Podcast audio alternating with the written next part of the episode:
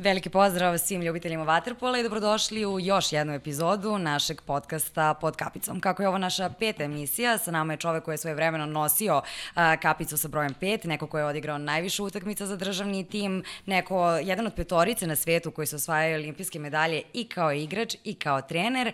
I da ne dužim mnogo, pa evo na samom početku, a, nestrpljiva sam da počnemo da pričamo sa čovekom koji ima apsolutnu ljubav i podršku javnosti. Pa to je definitivno tačno i znaš i sama koliko se pripremamo, mi znamo već 7 dana da će, da će Dejan biti gost i toliko smo pitanja dobili, toliko pozitivne energije, pozitivnih reakcija i e, zaista sam uzbuđen što imamo takvog gosta e, u studiju i što ćemo moći da podelimo i brojne vaterpolo teme, da, da, da ga upoznamo e, i iz nekog perioda kada je on počinje od igra vaterpolo i tako dalje, tako dalje, ali da ne dužim, e, moram za početak još da kažem da smo ugovorili neke nove goste za, za neki naredni period, bit će tu što aktualnih igrača, što momaka ili ljudi koji su zadužili srpski i jugoslovenski vaterpol iz nekog ranijeg perioda i eto, to je nešto što eto, možemo podlimo na samom početku, a e, po nekom našem dobrom starom običaju ti si ta koja će definitivno da predstavi gosta.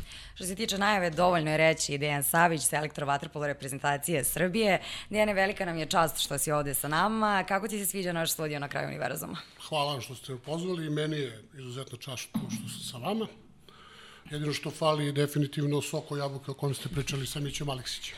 Da, to je, ne znam ko je kriv za taj sok od jabuke, Preuz, preuzimam krivicu na sebe, da budem ja dežurni krivac, da, da, da Marinu ovaj izuzmem iz, ovaj, iz te priče, ali eto za početak uz to izvinjenje deki za sok. Uh, Ovaj, moram ti kažem da mi je mnogo drago što te vidim ovde u, u, u studiju. I meni je drago stvarno. Da, i imamo ogromno poštovanje prema tebi i zaista veliko zadovoljstvo ćemo moći da podelimo eto, ta, ta, te priče iz, iz Vatrpola i neke druge. E, uopšte ne želimo da imamo granicu kad je ova emisija u pitanju, koliko god da trajemo, trajemo i vidim da si ti raspoložen za to, tako da, e, eto, samo na početku možda malo ove manje interesantne teme, ali su aktualne svakako preživeo si, preživeo si, što je zaista tačno, jer vidimo čime se suočava svet koronu, pa ajde reci mi ovaj za početak, da li znaš kako si se zarazio i, i kako je prošao taj ceo proces oporavka i, i, i koliko je prošao u stvari, da li, da li i dalje traju neki pregledi kontrole, šta se dešava?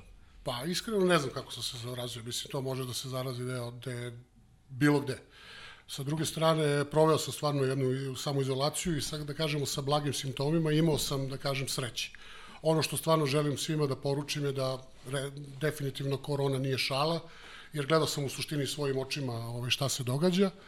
Ono što je zanimljivo, definitivno moram da pošaljem jednu, jednu poruku svima da a, moramo da nosimo maske, da se pridržavamo a, distance, odnosno da imamo jednu ozbiljnu a, samodisciplinu, a pogotovo a, kolektivnu disciplinu. A ja sam negde čitala da je supruga Bobana odigrala najveću ulogu u izlečenju. Pa u suštini nadam se da jeste, jer definitivno me naterala, da kažemo, da pristupim korišćenju homeopatskih lekova, a, jer na neki način definitivno kada se ne zna i kada se suočiš sa nečim novim, bukvalno se vataš za slančicu, tako da smatram i mislim da je definitivno ovaj, uspelo u tome. E, pričamo konstantno eto, o, o, o koroni, svako je pri zdravoj svesti vidi jasno da, da to nije šala, imamo svi, eto ti si najbolji primer da, da, ovaj, da može da bude vrlo ozbiljno pozdravlje koronavirus. Imamo mi u nekom okruženju takođe ljude koji su razboli, ali e, ozdravljenje samo po sebi ne znači da ste stekli večni imunitet na, na, na koronavirus i čovjek treba i dalje da bude oprezan. Ne znam, imam neku, čuo sam da su ti doktori rekli da može da se zaraziš ponovo posle dve nedelje, ili tako? Tako je, to u suštini ja treba da prođem još jednu kontrolu za neki sedam dana, ali da kažem ostalih vitalnih organa jer virus je definitivno negde udario, pošto sam imao te, da kažemo, blaže simptome. Uh, I sigurno da gledajući vesti i prateći, odnosno slušajući lekare, definitivno je da uh, može ponovo čovjek da se zarazi, tako da moram da pristupim toj čuvenoj samo, kon, samo kontroli, nego samo disciplini i kolektivnoj disciplini, gde nisam baš vičan. da, da, nisi taj igrač, da znam. E, sada da pređemo na neke lepše teme. Dok smo se mi pripremali za ovu emisiju, odlučili smo da ne idemo nekim hronološkim redom kada je tvoja karijera u pitanju. Skakat ćemo malo sa teme na temu, ali ono što je meni fascinantno kada je vaterpolo u pitanju je stalna vaša potreba da budete najbolji igrači u bazenu, ti kao trener. Kako definišeš pojam motivacije, odakle je crpiš? Nekoliko puta sam u suštini izjavljivao motivacija za šampiona nije potrebna. Uh, jer uh, šampion u suštini uvek uh, ima tu motivaciju i sam, sam iz sebe crpi. Ako s druge strane, ako ništa drugo, postoji, da kažemo, i taj timski, timski duh. Sigurno da u Waterpolu imamo jednu divnu stvar, a to je da od, ranih, od ranog detinstva, da kažemo, i kroz mlađe selekcije se držimo te tradicije i sigurno sam da svaki a, šampion koji se, koji se stvorio, a ne rodio, a, ima tu potrebu za večitom pobedom, ne samo u vaterpolu, nego u bilo kom a, sportu ispred zgrade, klikerima, tapkama, a u suštini najveća, najveći motiv je definitivno pobediti samog sebe, što ja nisam uspeo. Uh, Deki, zna, znam da si od sedme godine u, u Waterpolu i da dobro poznaješ probleme u sportu, probleme sada ekipe koje treniraš, da voliš svoj posao, voliš Waterpolo i e, kaži mi kada si sebe prvi put video u ulozi trenera? Uh, pa, mislim da je to već bila 97. 8. godina kada sam u suštini, mada ja sam već 96. počeo malo manje više da, da zapisujem određene stvari, odnosno treninge. Uh, i mislim da se tada stvorila ideja. Ono što sigurno mogu da kažem, da se nadovežem na pitanje da sam imao neverovatnu sreću u svojoj igračkoj karijeri da pre svega budem trener od strane vrhunskih trenera, a ono što je možda i još veća čast, odnosno privilegije da sam imao uz sebe stravično dobre igrače od kojih sam u suštini mnogo toga crpeo i pre svega naučio. E zato je baš sam i ovaj moje pitanje, koji su to treneri imali najviše uticaja da i sam razmišljaš o tom poslu? A, definitivno Nikola Stamenić, a, Nenad Manojlović, Petar Porobić i Dejan Udovičić. E, dogodilo se da, da ovim Ja se izvinjavam, okay. ima još jedan trener koji je izuzetan uticaj imao na određene stvari koje nisu, da kažemo, svakodnevne u Waterpolu, a to je Toni Esteljer iz Waterpolo kluba Barcelona. Da, dobro, doćemo poslije do Barcelone pa možemo, možemo da se dotaknemo uh, Tonije Staljera. Da, o, ono što je meni interesantno, ti si počeo da se baviš trenerskim poslom u, u Crvenoj zvezdi. E, zašto ne u matičnom Partizanu? Uh, prvo, ja sam trenerskim poslom počeo da se bavim prvo u reprezentaciji kao pomoćnik Dejanu Stanoviću okay. za univerzitetski igru u Beogradu 2009. A onda sam sledeće godine postao selektor juniorske reprezentacije i onda sam tek došao u Zvezdu.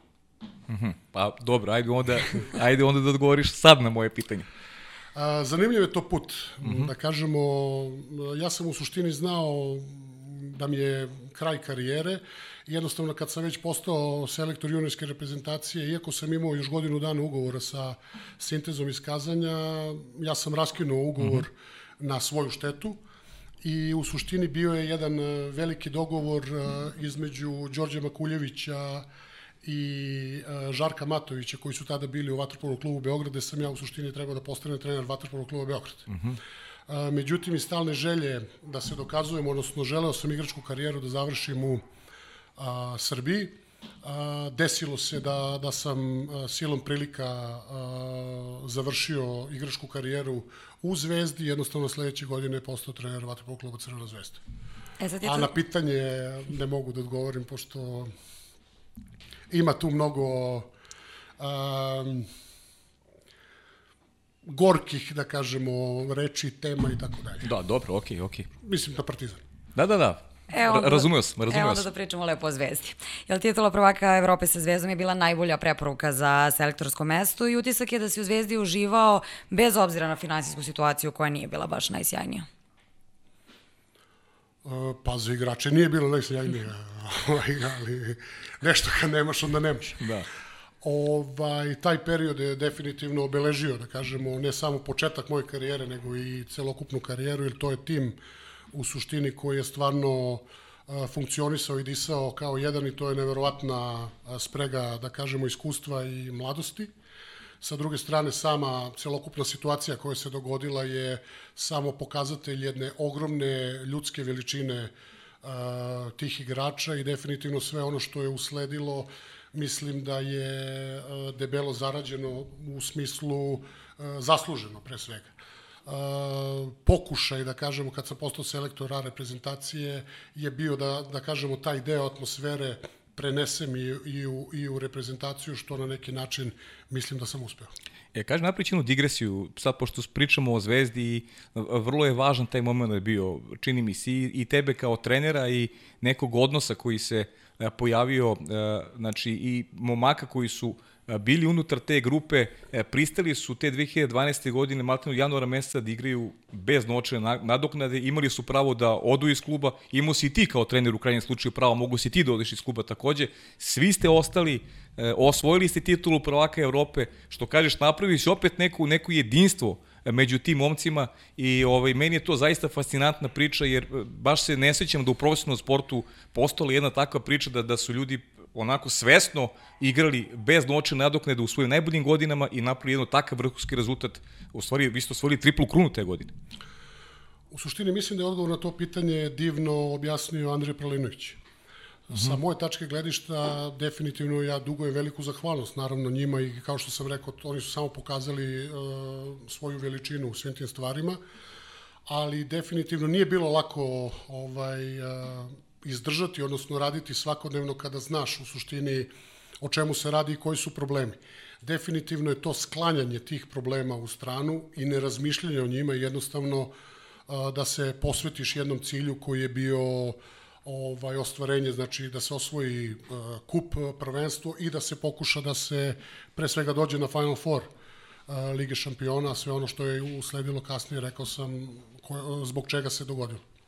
E, Andrija, mi, Andrija mi je davnih dana još rekao da si, da si ti ovako jedan e, specifičan trener koji ima zasluga za, za dobru atmosferu u ekipi. I ono što sam saznao od igrača, neću ti ni reći s, s kojim igračima sam pričao, nije toliko ni bitno, rekli su mi Dejan Savić je, je veliki trener zato što je e, e, potpuno potisnuo to da je i on jednog dana bio igrač, nego se apsolutno posvetio, apsolutno se posvetio nama koji smo u bazenu, nikad nije, nikad nije govorio ja kad sam igrao.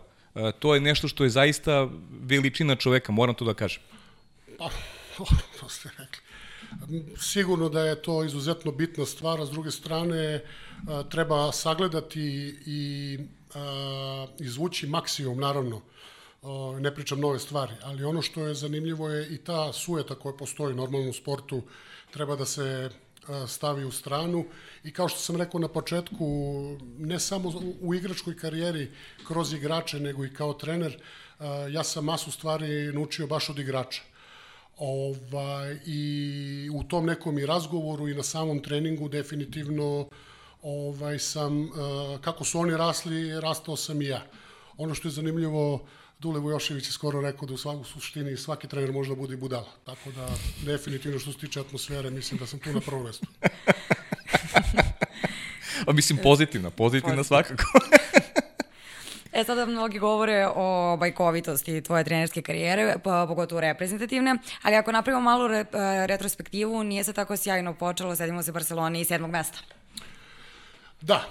A, počet ću malo drugačije da odgovorim, jer e, e, svi igrači, odnosno ljudi koji su bili pre mene, pričali su o čuvenoj generaciji koja je stupila na snagu 2009. godine i definitivno to, to svetsko prvenstvo u Rimu je činjenica i tu nema greške, obeležilo njihove karijere pre svega, a s druge strane i početak jednog, jedne neverovatne, da kažemo, decenije. Sa druge strane, moram da definitivno kažem, odnosno da odgovorim na ovo pitanje, da je druga stvar koja je obeležila sve ono što je kasnije usledilo, taj poraz, odnosno neuspeh, slobodno mogu da kažem, neuspeh u Barceloni. Pre svega da pokaže u suštini meni, da definitivno neke stvari ne funkcionišu i da neke stvari moram da promenim što ja stalno volim da kažem, ovaj, dobio sam jedan ozbiljan šamar, odnosno što je jedan trener eh, već je to pričao šamarčinu, a mislim da je definitivno i osvestilo igrača u nekom smislu gde su stvarno imali određene rezultate, gde su shvatili da e, nije to baš tako sve sjajno, jednostavno da u suštini definitivno mora da se dotakne dno, pa svim rukama i nogama da se odbiješ i onda kao raketna paljba izletiš na videlo dan, kao što je i bilo. Tako da definitivno se slažem sa svima koji u suštini znaju da je Rim 2009. ali i Barcelona 2013. u negativnom smislu u negativnom smislu, ali sa jednom velikom pozitivnošću ovaj, a, učestvovala u građenju moje karijere, odnosno svih onih rezultata igrača koji su već do tada imali izuzetne karijere. E, Srbija je takva sredina da je zaista teško sačuvati zdrav razum. Ovde se svaki uspeh e, histerično slavi. Dovoljan je jedan loš rezultat da, da se čak i sportski junaci vrlo brzo provlače kroz blato. E, ta Barcelona je specifična jer je to neki početak tvoje represivne karijere i kaži mi koliko si, kako si se nosio sa tom vrstom pritiska i da li si, kako si reagovao na kritike, jer definitivno ih bilo, ja se sjećam tog perioda da ih je bilo svakako posle, posle tog sedmog mesta. A, kritike znaju da budu izuzetno A, da, zavisi od koga dolaze, vero. Tako je, zavisi od koga dolaze.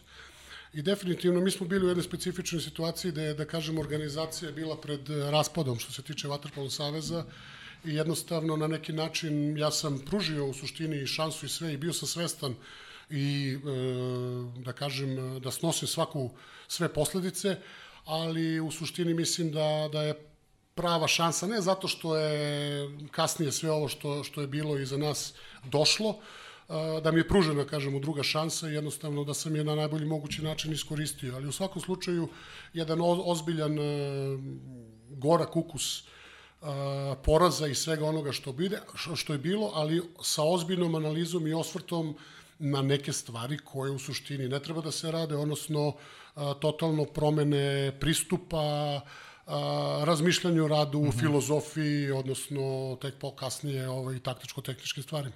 E sad kad pričamo o tom periodu, da li si razmišljao da bi možda prvi sledeći neuspeh mogao da uzdrama tvoju poziciju u reprezentaciji? A, da je bio sledeći neuspeh, sigurno bih podne ostavku. Tu nema greške. Ne bi čekao reakciju, nego... Ne nego da. Apsolutno, apsolutno. Dobre, dobre da nije bilo neuspeh. Ispostavilo se iz ove, iz ove perspektive. E, e da li misliš, e, opet ću napraviti s jednu digresiju, da li misliš da, e, da su svi razumeli tvoju ideju da u Južnu Koreju povedeš pomlađen tim na svetsko prvenstvo?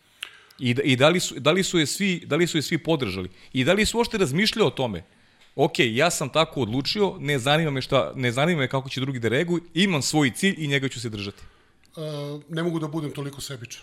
Uh -huh. uh, sa druge strane, definitivno su podržali oni koji to trebaju. Znači, no. Da. pre svega uh, Vaterpolo savez, odnosno stručni savet i pre svega stari igrači. Uh, jer u suštini ideja se rodila onog momenta kada sam shvatio da pre svega stari igrači su psihofizički iscrpljeni i mnogi od njih su čak i bili roviti jednostavno ovaj, nismo imali na neki način ni, ni mogućnosti da drugačije reagujemo i u suštini ta pod navodnicama strategija se rodila nije preko, preko noći, uh mhm. -huh. znači ona se rodila već negde u, u, u novembru, decembru gde sam ja izneo to pre svega Vatrpolo Savezu koji su prihvatili, a kasnije i određenim igračima koji su na prvu loptu naravno reagovali negativno. Tek kasnije, kada su shvatili posle opet još jedne iscrpljujuće sezone o čemu se radi i, i, i, i kad su videli da je, da kažemo, ta ideja solidna, pošto se pokazala da nije baš, da kažemo, rezultatski upali, u, ovaj, urodila plodom, ali sigurno da smo uspeli neke stvari da, da, da odložimo ako ništa drugo, jer e, problem e, vrhunskog, e, pre svega vaterpoliste koji ima između 10 i 15 godina reprezentativne karijere, koji sve vreme skače iz uh, klubske sezone u reprezentativnu sezonu, jednostavno nikad nisi imao moment izlečenja. Mm -hmm. Znači, to je uvek zalečenje, što je stravična, stravična negativnost.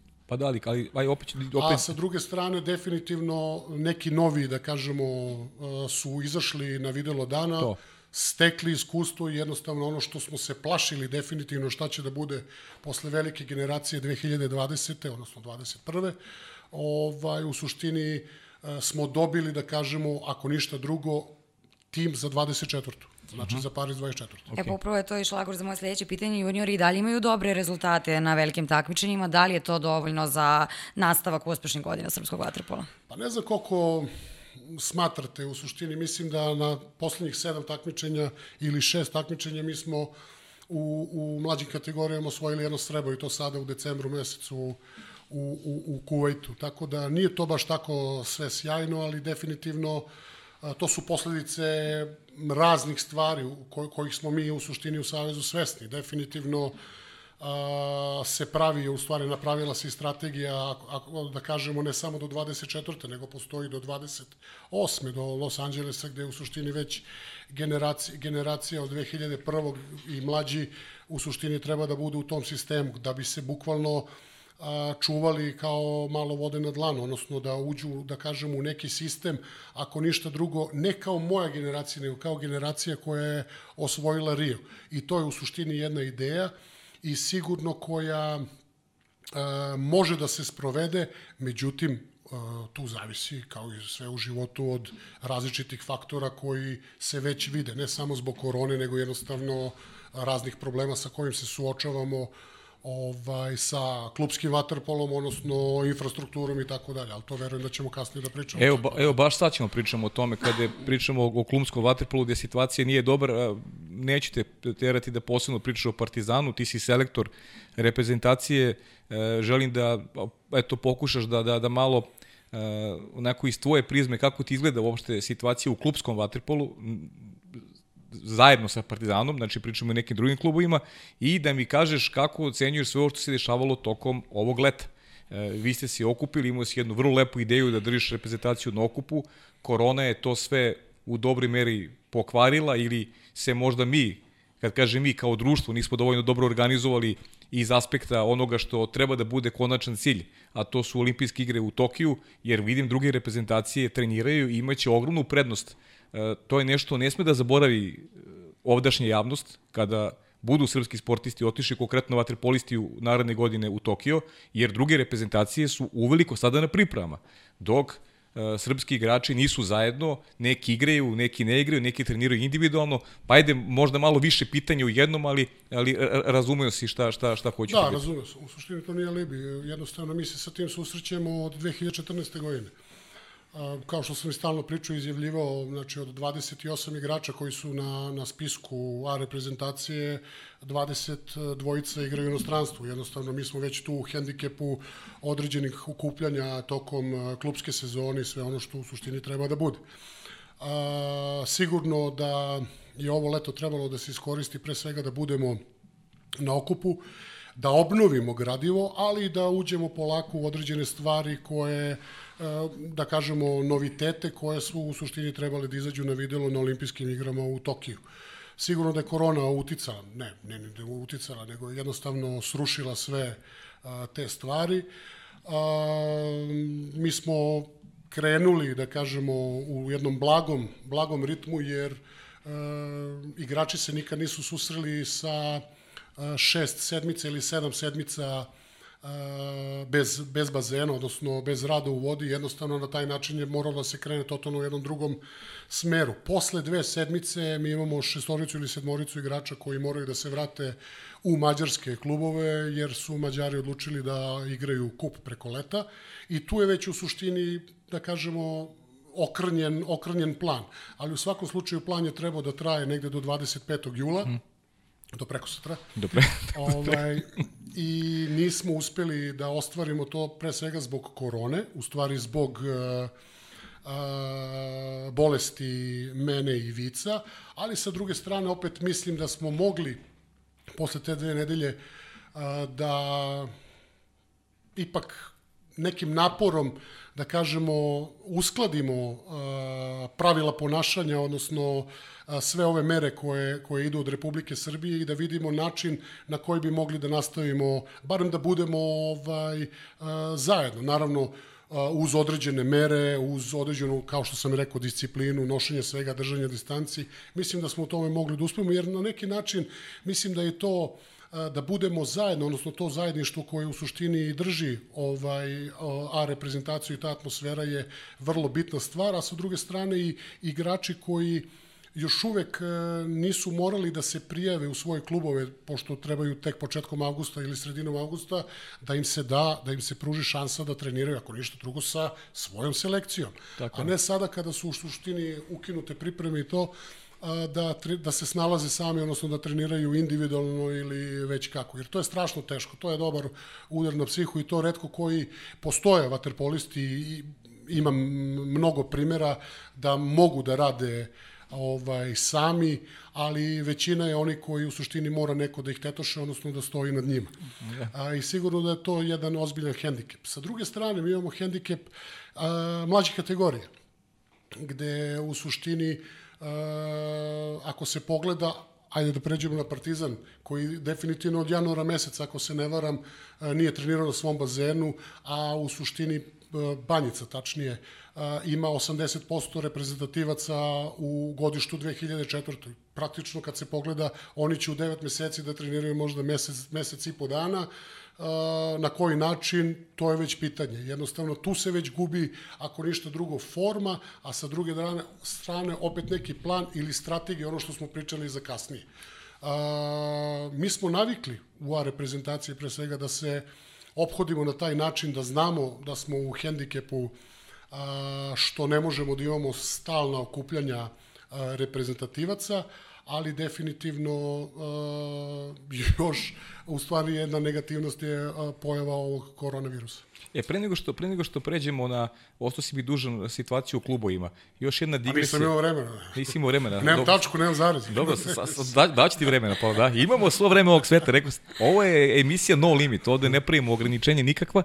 E, šta sam teo ti kažem, vezano za, za reprezentaciju, da li misliš da je možda propuštena prilika do ovog leta, kada su već ovde bili igrači, da se napravilo nešto vezano za popularizaciju vaterpola, nevezano, sad pričamo o koronavirusu, se napravila neka letnja liga, nije se igralo ni domaće takmičenje, prekinuto domaće takmičenje, nema nikakvih aktivnosti, evo već koliko sada, e, mesec dana, koliko traje mesec i po dana, kako nema aktivnosti, da li je moglo da se napravi nešto da, da se malo i publika približi igračima koji dugo nisu igrali ovde. Mogli su da igraju za neke klubove, da ne bude to takmičarskog karaktera, već isto kao neko održavanje forme, kao nešto se zove promocija vaterpola.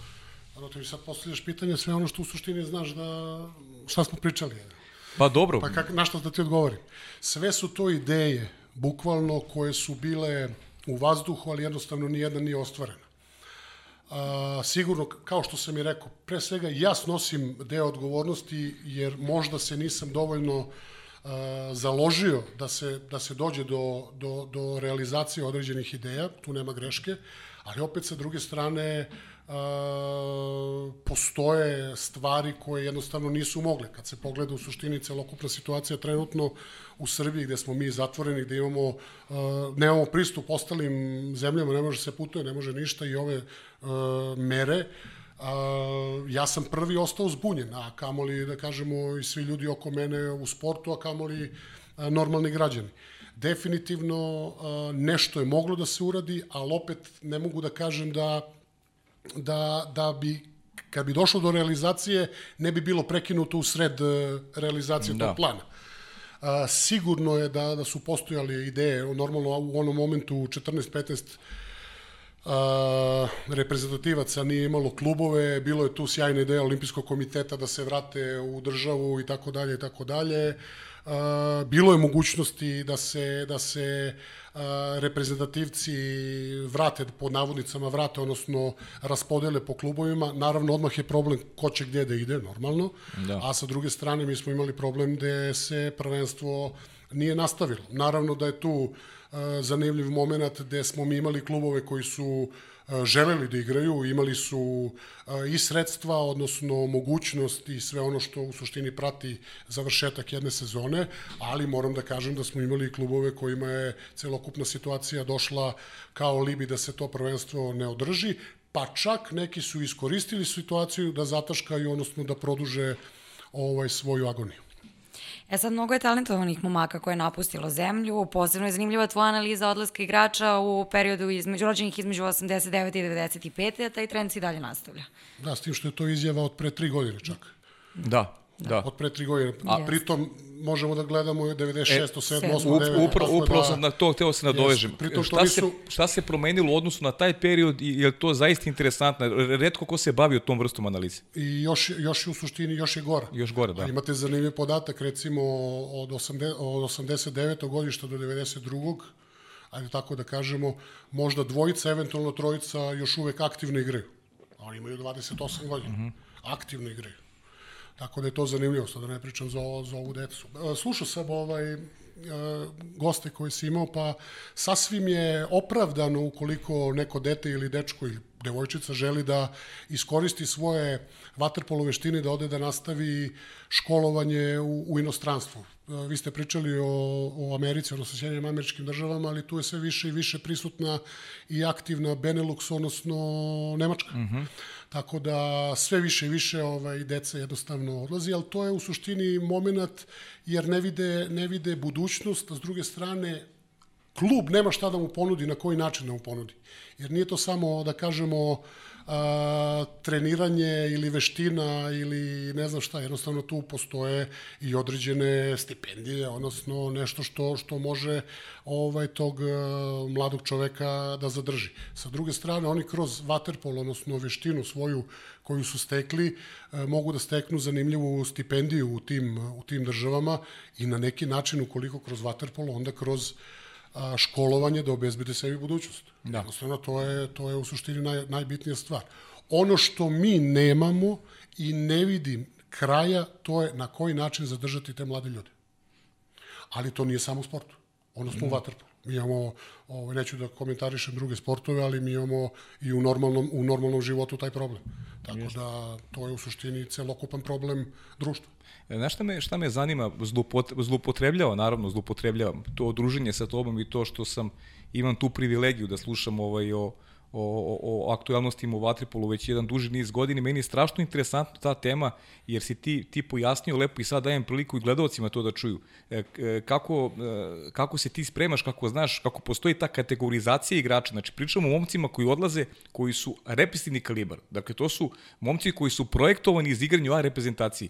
I koliko iz godine u godine srpski vaterpolo e, gubi suštinski time što ti momci odlaze, a opet neko u Srbiji ostaje na vrhu bez obzira što su uslovi za treniranje nisu idealni, to mora se prizna, Waterpolo nema tretman očigledno e, onaka kakav zaslužuje i zato mi je interesantno ta vrsta analize i, i zato, kažem, to zlupotrebljavam, želim da tu priču podariš sa našim gledalcima koji nisu imali priliku to da čuju. A vrlo je prosto, mada e, mnogima sam trnu oku, jednostavno ne žele da čuju to što ja, što ja pričam, ali ponovit ću a, nisu reprezentativci ti koji drže klubove. U suštini oni daju atraktivnost i, da kažemo, jednu, jednu jačinu. Uh mhm. -huh. Ali su igrači srednje karaktera oni koji drže klubove. Uvek uh mhm. -huh. bili i uvek će ostati. E, ti igrači u suštini nama, nama odlaze i jednostavno ovaj, uz naravno uz reprezentativce jednostavno nema, nema više logike ili bilo šta. Ne mogu samo da, da, da spomenem, Partizan je uvek imao mladu generaciju iz početka, ne znam, sa a, karakterom, odnosno a, prosekom godina 19, 20, 21, 22, 23, pa se stvarao tim mm -hmm. po 3, 4, 5 godina. Ovaj, to je ono što je Soro recimo lepo, lepo objasnio. A danas igraju juniori a, koji nemaju u, u timu jednog starijeg igrača koga bi mogli da vide, odnosno potreban je naravno, trener je u suštini vrh piramide, ali bez starijih igrača tu nema, da kažemo, svojstvenog razvoja. I, i tu je problem. Jednostavno, ta deca sa 15, 16, 17 godina dođu u prvi tim nezasluženo, Mm -hmm. Znači, nezasluženo. Naravno. Ovaj, I smatraju sebe da su tu u suštini zasluženo, je tu se stvara u suštini problem, jer pitanje njihovog mentalnog razvoja, a, psihofizičkog, a kasnije tek e, kada, jer oni shvataju da su, da su, da su postali igrači samo zato što su došli do prvog tima, ne shvatajući da svaki igrač a, e, se uči tokom celokupne karijere, a tek kasnije u suštini kada okačiš tonu srebra, bronze ili zlata, onda u suštini možeš da kažeš da si postao igrač. Sa druge strane, definitivno nemaju pravu sliku o sebi i kada dođu tu, onda se pitaju, pa čekaj, ako sam ja u prvom timu određenog kluba, zašto nema poziv u reprezentaciju ili ne znam gde, ne shvatajući, kao što sam rekao, svoje, svoje stanje i tu se pravi problem. Naravno, kasnije dolazi do nezadovoljstva mhm. -huh. i jednostavno, bukvalno ono što se kaže, trbuhom za kruhom. Da. E, e, kruna generacije koju trenira što naravno svi već znamo je Rio 2016. godine, posebna godina zbog evropskog prvenstva u Beogradu, praktično si, e, kako se to kaže, morao da tempiraš formu za, za dva takmičenja i ti naravno i igrači. E, veliki je pritisak bio na vašim plećima. Nekako je javnost očekivala oba zlata. Znači imali smo januar 2016. godine Evropsko prvenstvo u Beogradu, koji mesec kasnije olimpijske igre, e, Kako tebi izgleda sada kada, se vratiš u 2016. godinu, kako ti izgleda cijela ta priča? Kako se ti sam nosio sa, sa tim pritiskom i prepostavljam da ste pritisak u stvari i, i, i sami sebe negde natovarili, sigurno? Pa dobro, definitivno kruna karijere, s tim što sutra je otvaranje olimpijskih igara u Tokiju, tako da verovatno smo mogli da im stavimo i dijamante u tu krunu. ovaj, um, Beograd je specifičan. Beograd je specifičan zato što je ogromna, ogromna organizacija, prvi put se igra uh, na montažnom, da kažemo, bazenu u areni, uh, jednostavno sve oči su uprte u nas, jednostavno to je bio jedan veliki ispit. Uh mhm. -huh. Jedan veliki ispit sa stravično puno uh, problema, sa stravično puno, da kažemo, uh, stvari koje se uopšte nisu ticale vaterpola ali jednostavno ja sam uspeo kao i uvek da na neki način uh, sagradim taj zid između, između igrača i svega tog dešavanja. Ovaj, koliko sam uspeo, nisam siguran, jer nemoguće, pogotovo u današnje vreme, sa svim ovim tehnološkim dostignućima, u suštini sve, sve se ovaj sazna, vidi, čuje ili čita, ali u svakom slučaju tu smo položili jedan ogroman, ogroman ispit uh, velikog, velikog pritiska mm -hmm. koji je, pogotovo domaća publika i to.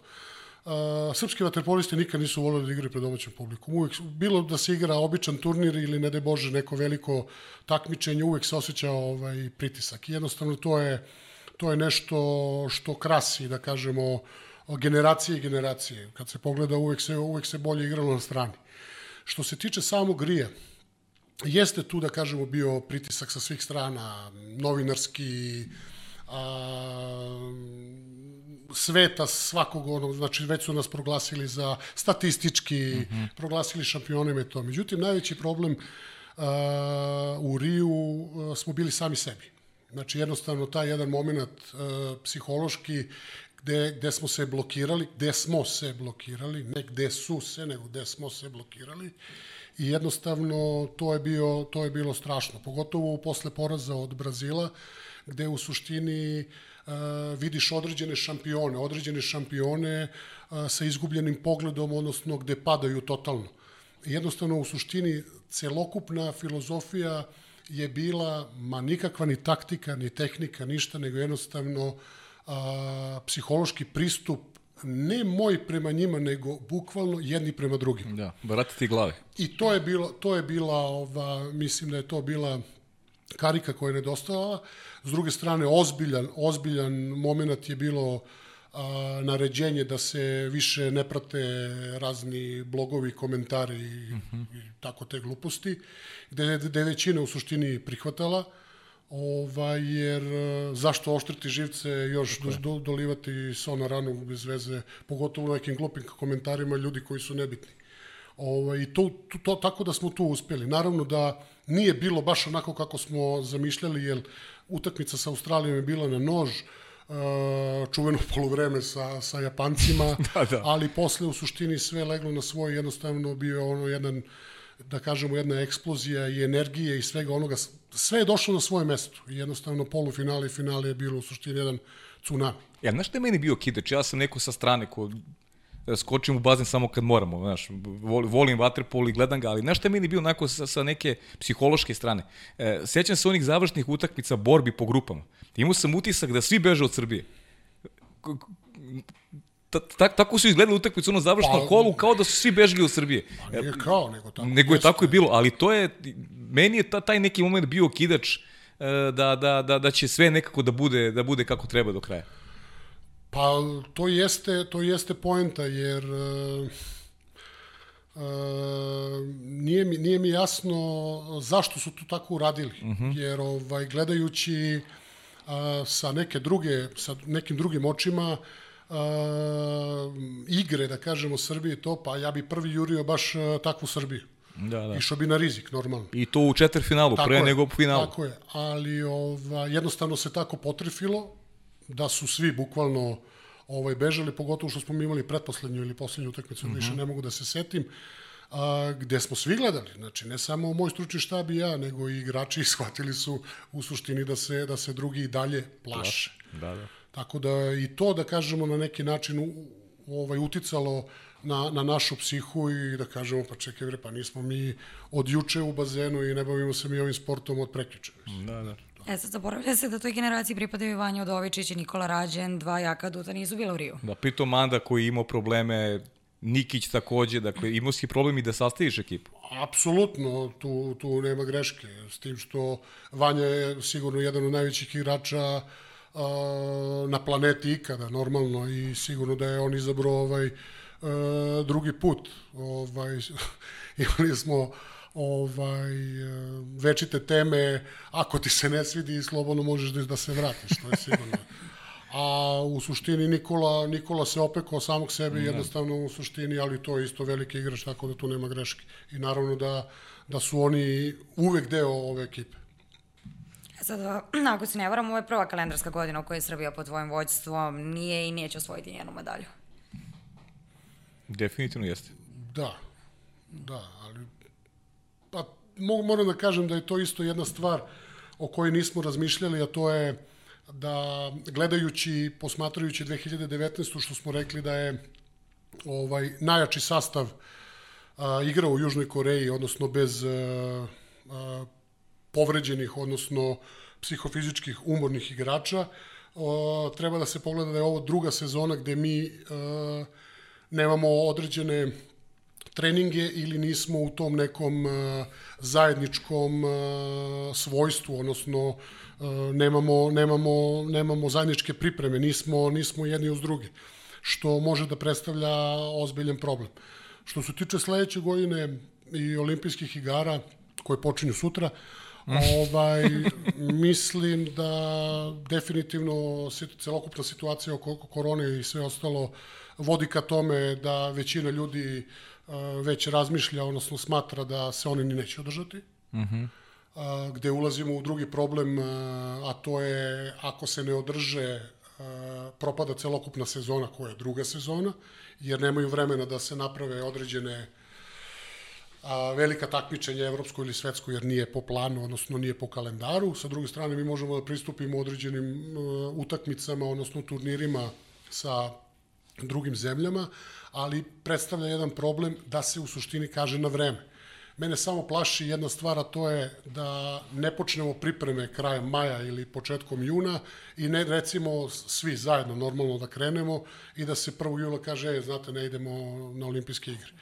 Bila je jedna drug, drugačija situacija zato što su pretile sankcije, bile su sankcije. Ja sam gledao starije igrače 92. na pripremama za, za Barcelonu, koliko je to stravično psihički njih, njih iscrpljivalo, jednostavno ta neizvesnost, to je ovaj, baš bilo ovaj, ludilo. I ja se toga plašim. Voleo bih u suštini da se, ako, ako ne dolazi do, do, do takmičenja, odnosno do olimpijskih igara, iduće godine da se to def, definiše na vreme, ako ništa drugo da bi pristupili a, drugačijem a, programu, odnosno izvođenju, izvođenju radova. izvođenju, u stvari izvođenju, izvođenju ovih momaka koji treba da se oproste od, da. od reprezentacije. A kaži mi, ili, il, veru, veruješ, siguran sam da, da, da je odbrana zlata u Tokiju moguće i verujem da, da to već imaš neku i projekciju i tima, ubeđen sam da imaš neku projekciju i tima, kako će izgledati i tako dalje tako dalje. E, s obzirom da su ovako, javnost je malo poljena sa ova dva prethodna poraza od Španije, pogotovo sa evropsko prvenstvo, ako nije bilo poraza Srbija. Ja stalno govorim, Srbija nije izgubila evropskim prvenstvima od 2014. godine. Nema poraza, to je neverovatno. U jednom sportu takav podatak ne postoji. E, tako da, e, da li, kažem, šta radiš na, kako se pripremate za tu obranu, za obranu ovaj, Tokija? Dobrnu zlata, tačnije iz Rija. Pa teško, zato što nismo prisutni. Da. To je, to je prvi, da kažemo, preskočen stepenik. Sa druge strane, imamo mi određene, određene stvari to, ali definitivno ovaj, psihologija je čudo i mislim ovaj, da je ona, da kažemo, najbitnija, jer uh, definitivno i kroz uh, njihove izjave ovaj vidim da su bili spremni da kažemo da mm -hmm. da gaze odnosno da odrade na najbolji mogući način olimpijske igre. Kad su se produžile na godinu dana, većina ima tu, da kažemo, i problem ja kako da se skoncentrišemo, odnosno da vidim još godinu dana i to sve. Ali u suštini mislim da taj prekidač kod njih uh, uvek postoji, jednostavno oni su šampioni i to je samo pitanje, pitanje momenta. Momenta. Da. Kog momenta? Kad se skupimo ili kako? Na, na daljinu da, Da, da, da, da. radimo i to. Sa druge strane, moram da, moram da kažem, ja sam ovaj, svom, svom celokupnom timu u suštini rekao svoje mišljenje koliko god to neko gledao drugačije, ali ovaj, a, mislim da je, da, je, da, je, da je ne poraz od, od Španije, nego jednostavno to peto mesto a, pozitivno uticalo na sve nas, jer praktično kad se gleda rezultatski mi nismo izgubili, ja to neću gledati na taj način uopšte jer jednostavno ta Španija je zadala velike probleme nama i na svetskom prvenstvu u Južnoj Koreji, odnosno evropskom prvenstvu u Budimpešti, kao i poslednju utakmicu ove sezone. Tako je. Jer jednostavno oni su pokazali stvarno jedan visok nivo ovaj, uigranosti pre svega i spremnosti, gde mi nismo odgovorili pre svega a, u određenim, pre svega taktičkim, moram sebe da stavim na prvo mesto, taktičkim izvođenjima, da je u suštini stavljam sebe kao, kao krivca naravno, a naravno ta, ta, ta taktika se nije, da kažemo, izvodila na pravi način, da je opet u suštini lančana reakcija ovaj, postoji. I jednostavno, kao što su igrači pre mene pričali, odnosno videli, a, reprezentacija Srbije je uvek a, a, pobeđivala u odbrani, uh -huh. i u suštini kad primiš šest golova ne možeš da daš više od toga, to je definitivno a, problem. Naravno, a, analizirali smo, videli smo i baš to su stvari u suštini na kojima smo trebali da radimo ovo leto. Ne znam sada, i kontranapad, i protok lopte i sve ono su u suštini što se tiče napada, ne znam, igre bez centra, da. 6-0, realizacija igrača više, sve to što stoji. To su neke stvari. A trebali smo da obnovimo ono što u suštini radimo ili rade čitav život, ne samo kroz juniorsku selekciju, nego i kod Dejana Udovičića, sve ono što smo napravili, jednu ozbiljnu bazu, gde moram da kažem, ostale, ostale reprezentacije nikad nisu bili svesne da one ne gube, da ostale reprezentacije ne gube utakmicu u napadu, odnosno čuvenim šutevima Mande, Fiće ili ne znam već, e, Duška, Prleta i ostalo, nego gube u odbrani zato što ne mogu da daju. Da, pa u, u krajnjem slučaju neki ta Španija. Španija je dala jedan gol u drugom povremenu. I to, Da. na, I to na početku treće četvrtine. Nisu dali gol od nekih 10 minuta, možda i više. Ja sam imao utisak da, da ga ne bi dali da se igralo još 15 minuta. to je sve što mi u suštini imamo. Mi, mi pričamo, mi razgovaramo, da. nema veze što sam ja da kažem trener, a, a o, oni igrači. Uh -huh. Jednostavno mi pričamo o problemima, šta nam je činiti, gde, gde, gde curi, gde šta sve. I imali smo stvarno jedan dogovor, jer uh, ja sam čovek i pre svega trener koji sve kaže unapred, znači uh -huh. da, da bi se spremili. Nisam one koji ovaj krijem nešto, pogotovo ako, ako je teži trening, pa kao da ih prevarim i tako dalje. Jednostavno, bili smo spremni na sve to u suštini da se analizira i o, da se, da se radi. E, e sad, nakon Tokija, da li je tim spreman i da li će ga predvoditi Dejan Savić?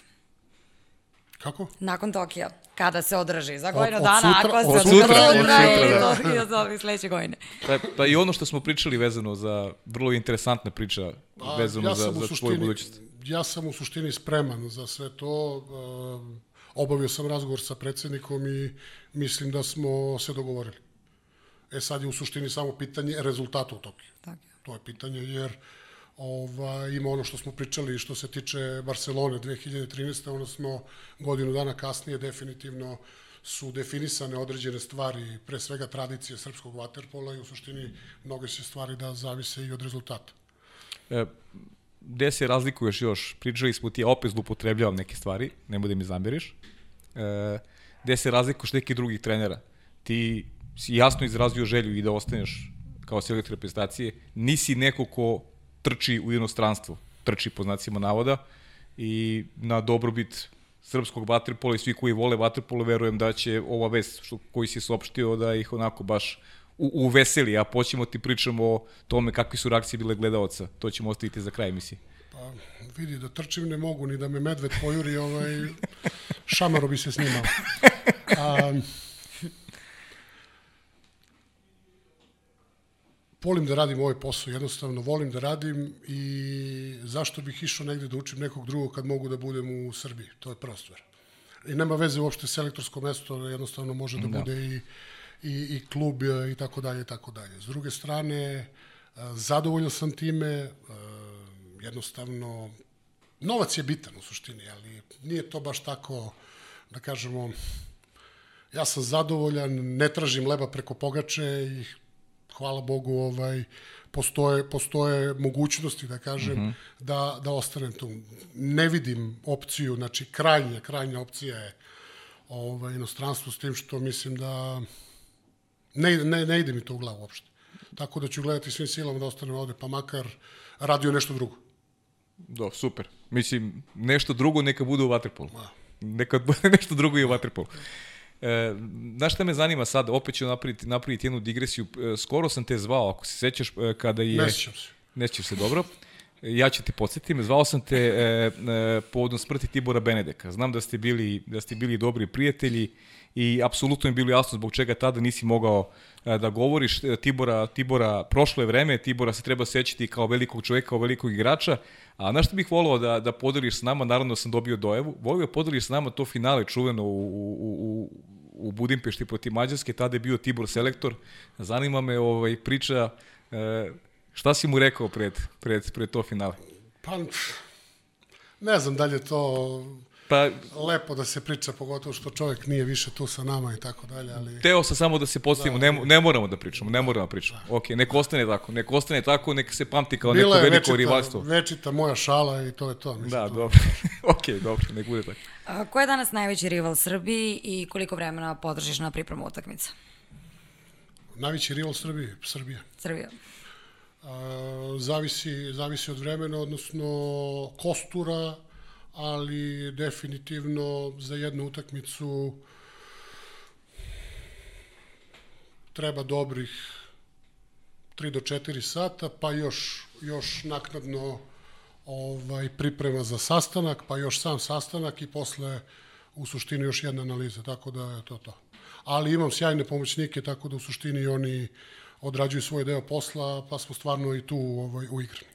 Aj kad smo već kod rivala, da napravimo još jednu, još jednu digresiju vezano za taj rivalitet sa, sa Hrvatskom. U stvari, lepu sliku koju vi šaljete kao, kao sportski rivali. Nikad nema nekih, da kažem, dobro, ima tenziju u bazenu, svako voli da pobedi, to je to, ali kada se utakmica završi, sve odiše nekim, nekim prijateljstvom, nečim što je apsolutno normalno, nešto kako treba da bude generalno u životu, ne samo u sportu i mislim da upravo uh, nekako uh, rivalitet Srbije i Hrvatske u Waterpolu je iz moje prizme je najbolji mogući rivalitet koji ima ovaj sport u, rego, u regionu, upravo iz te neke pozitivne energije koje, koje vi širite nakon što se, nakon što se meč završi. Govorim i sa jedne i sa druge strane, a apropo toga na kraju ćeš čuti imaš mnogo pozdrava iz Hrvatske, od, od navijača iz Hrvatske koji su nam pisali posebno pozdrav veliki za tebe. A, nadam se pre svega da je tako, jer definitivno a, politika i ratovi i sva ta, da kažemo, užasi su obeležili uh, naše živote, normalno.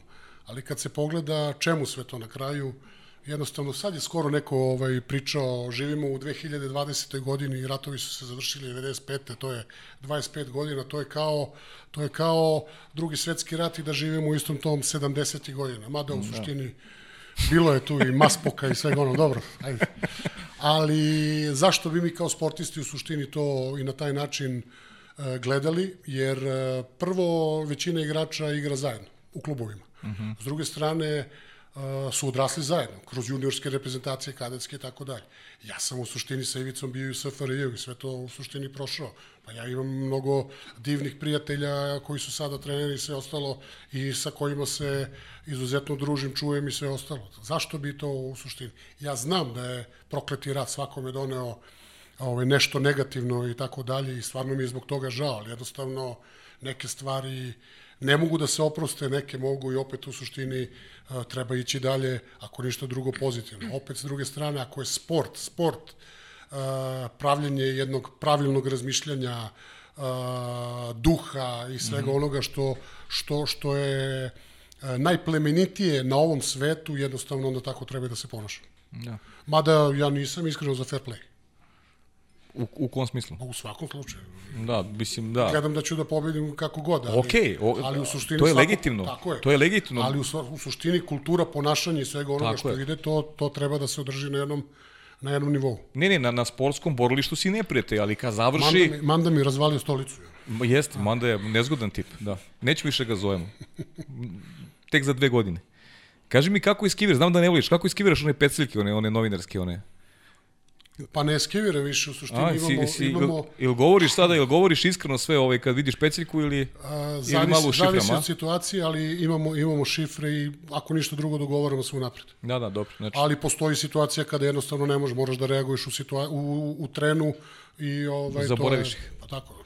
E sad za kraj ove priče o trenerskoj karijeri, koji ti je najljepši, a koji najteži moment?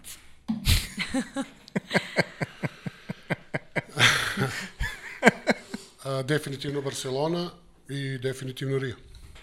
da, pa dobro. Nekako i logično. Uh, aj sad da se vratimo i si spreman da, se, da, da, da krenemo, sad idemo u detinstvo sad. Može? Ti si ovako odrastao si na Miljakovcu, Republika, da. Republika Miljakovac, da, onako kralj koji onako realno, svi koji su rođeni u Beogradu znaju, onako deli, tanka linija deli između svega i svačega. Dobro. I kako si se obrao na banjici u Vatrpolu? Nije to mnogo daleko, ali otkud baš Vatrpol? Pa, to treba mog oca da pitate. U suštini, raznih ideja on bio, ali ja sam isto bio dečko koji je u suštini sve igrao ispred, ispred zgrade i tako dalje, a e, otac je jednostavno odlučio da, da me povede na banjicu u Partizan. A, njegova priča je, ja znam da sam ovaj, bio debel, bio, mislim sad sam, ovaj, pa ovaj, zbog, ajde da kažemo, zdravlja. Jednostavno, a, to je 82. sa 7 godina, imao sam peh, ovaj, malo težu bolest, pa sam pauzirao dve godine i onda sam se vratio 86. ponovo. Ja sam pričao si da si dobro igrao futbol, da si bio dobar dribler. Kaže si dobro bratao loptu. Da, sam bio sebičan strašno. Ko porsinečki. Pa, je, pa čekaj, zbog tog se bičluka nije futbol bio izboran, da? Da, da, da. Samo zbog se Ma bičluka? ne, z- zezam se. Dobro, dobro, pa dobro. Ka, kaži malo o tom, o tom Ovaj, futbolu. e, Ne, što se tiče vaterpola, jednostavno to je prvi, prvi jedini sport koji sam trenirao, jednostavno ljubav je bila na, ovaj, na prvi gutlje vode i tako je ostalo. Ja sam negde nekako sam saznala da ti je bio san da izvedeš, ne znam da li je dalje penal sa Marakane. To je zna Marakane. A, Da, nego ne znam da li imaju kopačke 47. Pa možeš u patikama, šta? A isto sam negde, može. isto sam negde čula da si htio da budeš pilot i kuvar. To je istina, da, to je istina. Ovaj, a, imam neke čak i fotografije, to sam mogao da da donesem, ovaj, ali to je stvarno ono dečački snovi. A, da, kuvar i pilot. A što se tiče što se tiče pucanja penala, to mi je od uvek bilo ovaj san gde u suštini moj veliki prijatelj Denis Šefi koji stalno prati ovaj a, futbal. E, prvi put kad smo u suštini u, na olimpijskim igrama u Pekingu izašli pre 90.000 ljudi, ja sam tek onda shvatio u suštini e, kakvo je to ludilo, odnosno šta je, šta je jednom sportisti kao što je futbaler kad treba da puca penal kada mu se 7 metara skupi u jednu sićušnju rupicu. Mm -hmm. Da, jeste, jeste fascina, da. osjećaj. Uh, znači, penal, možda ćeš da ga šutneš jednog dana na Može, Marakani. može, Da, i dobro. levom i desno. I levom i desno. Uh, ti si imao i druga interesovanja kao klinac, znaš odakle mi dojave, i postoji ona priča da si navodno sa, banj, sa Miljakovca dolazio na banju da igraš klikere jer si na Miljakovcu ufuljio sve, pa si morao da ideš na Tako je, banjicu. to je istinita priča. Jeste, taj koji ti je rekao zna da pošto sam ga ofuljio sto puta. Pa dobro, klikeri su nam svima bili ono, Tako je. da, ljubav, ljubav, de, de, dečačka ljubav. Kroz troku se najbolje nauči da staneš između lopte i igrača. Troko, šta si, šta si najviše volao od? Na rupu. Na rupu, a? Pa Ali na betonu. isto. Na, be, a, na rupu na betonu? To je interesantno. E, sad treba da spomenemo i kuma Jugoslava, s njim si provodio mnogo vremena na banjici, dva puta dnevno treninzi, znali ste da dane provodite zajedno. A, to ću da se vratim definitivno na priču, da li je priča o Mande ili Prle, Prlenović, izvinjam se, s, mm -hmm. slagaću, a, njihovu privilegiju što su odrastali na moru, odnosno Herceg Novom i Kotoru, gde su po čitav dan bili a, na Kotorskom bazenu, odnosno škveru, mm -hmm. bukvalno mm -hmm. po čitav dan. E, takvu privilegiju smo, a, moja generacija, pre svega Jugoslav i ja, odnosno čitava ta generacija imali, ovaj, na odrastanju na banjici, odnosno u Partizanu gde bukvalno jutarnji trening se završi od 8 do 10, mi ostanemo na bazenu čitav dan, gde imamo uh, slobodu kretanja između slobo, ovog uh, otvorenog i zatvorenog bazena, svratimo kod Jugoslava koji je bukvalno živeo preko puta ulice, da pojedemo nešto, vraćamo se popodne čitavo opet na bazenu gde šutiramo, uh, igramo se, ne znam šta je bilo, dva na dva, ono, kako se već zovu te te dečije igre, ovaj, vaterpolo pre svega, i onda ponovo imaš trening od 7 do 9. I tako bukvalno čitavo leto. Jednostavno to je, to je nešto što bi ležao s druge strane ta deca, odnosno i moja generacija i pre i posle, to jedno odrastanje je ne samo obeležilo to da kažemo druženje, odnosno tu banjicu i sve to, nego jednostavno ovaj, jedan ozbiljan, da kažemo, rad kroz igru, gde ti nisi ni shvatao da u suštini kroz igru treniraš. I jednostavno, kada, kada, su, mm -hmm. kada smo ovaj, došli u septembru, kada se svi okupe, oni koji nisu radili tokom leta bili su u velikom deficitu u odnose na one koji su M trenirali, M se igrali, da kažemo i to. To je danas e, nemoguće, pošto imamo ključnog igrača u Partizanu koji drži ključeve. E, takođe, htjela sam da spomenemo i to da si volao i voliš da čitaš i znam da ti je e, teško da daješ knjigu, da na svakoj piše Dejan Savić. E, šta voliš da čitaš i ono što je mnogo gledalaca pitalo šta im preporučaš? A, beletristiku u suštini, ali u poslednje vreme sam čitao gledao sam e, autobiografije i sada ima Montefiore, onaj što se tiče Staljina, a ovaj, e, u poslednje vreme, u stvari za vreme korone, ovaj, čitao sam do Vlatova, recimo, to je stravično, sve sam ovaj, kupio od njega, jer to je, da kažemo, uh, sovjetski, mada je Rus, ali je u Estoniji uh mhm. -huh. živeo disident koji je otišao u Ameriku i 80. godina je pisao, da kažemo, na vrlo sličan humoristički način, sličan nama Srbima. I to me u suštini povuklo, pogotovo što sam živeo pet godina u Rusiji, onda čak i poznajem taj, da kažemo, ovaj svet i karakter, jednostavno to, to toplo preporučujem i mislim da je to, da je to dovoljno. Mada voleo bih, ovaj, volim u suštini, slagao sam uh, 100 godina u suštini je bilo velikog rata i definitivno sam voleo ovaj, sve ove knjige. Volim još uvek koje se tiču uh, naših uh, borbi, odnosno Cijarska kolubarska bitka, sva to što je bilo, uh, da kažemo, 1914. 15. Naravno, veliki a, prodor kroz Albaniju i sve ono što je posle toga usledilo, jer definitivno takvi se više neće roditi ili još gore neće porasti. Ali si pročitao Marinu knjigu? Ko je on? A to... E, mislim da imam. E, imaš, mislim imaš, da imam. Imaš da. sigurno. Imam, imam, imam, imam. Evo, piti da li si pročitao? Imam, a pročitat ću. A, sam dobro. Taman u dahu, sad, u dahu. U dahu, dobro, dobro. E, Jugoslav mi rekao, ti pitam, gde je najbolji riba u gradu? Kod Riste. Ko, kod Riste. Kod Riste, dobro. Pozdrav za Ristu, zovešćemo i Ristu ovde. E, Kako budala znam, ovaj, znam da si volao da čitaš i Alana Forda. Ja sam ga isto obožavao. Alan Ford mi je bio omiljeni strip. Ne znam, koji ti, koji ti junak bio omiljeni iz Alana Forda? Ali znam da si ti čitao, da čitaš i druge stripove. Alan Ford, Mr. No i Dylan Dog. Aha. To su bili. Mada volao sam Gigant Modesty Blaze. To je. Modesty Blaze, da. Je. A ko ti, ko ti je omiljeni junak iz Alana Forda? Grumf ubedljivo. Grumf, a? Pa da. I se Mada sećaš? se, mada se redko ovaj, pojavljuje. Redko se pa, jest, ali se sećaš, ne, pamtiš dijaloge iza? Pa iza... zatvoreno zbog smrdi. da, da, da, da, jeste, zatvoreno zbog smrdi, jeste. e sad, pored stripova, interesantno je da si filmofil, ali da preferiraš recimo koreansku, japansku, argentinsku a, kinematografiju, dakle ta strast, jer obično ljudi stavljaju fokus na neku američku produkciju. Pa u tome jeste stvar, znači nezavisna produkcija je mnogo bolja. Uvek bila na onog momenta, da kažem, iz nekog druženja sa određenim glumcima i to oni su mi otvorili oči, uh -huh. pre svega gledajući čuveni Sundance festival koji je osnovao Robert Redford, zbog e, toga što e, mrze komercijalu. Jednostavno, komercijala je danas zastupljena, znači imamo milijardu nastavaka ovoga i onoga jednostavno samo skupljanje love. A sa druge strane, umetnost kao umetnost treba da se gleda izražaj pre svega režisera, odnosno da se prati tok priče. E sada, šta je stvar? Stvar je u tome što određeni ljudi naravno su mi otvorili oči gledajući pre svega horore koji kažu da a, Amerikanci u suštini uzimaju sve a, te filmove i rade remake-ove, ali a, bezuspešno, jer u suštini uvijek su bolji u originalu, pogotovo koreanski, odnosno japanski horor. A, to, je, to je, da kažemo, bilo, bilo pre jedno 10 godina, da kažemo sve to.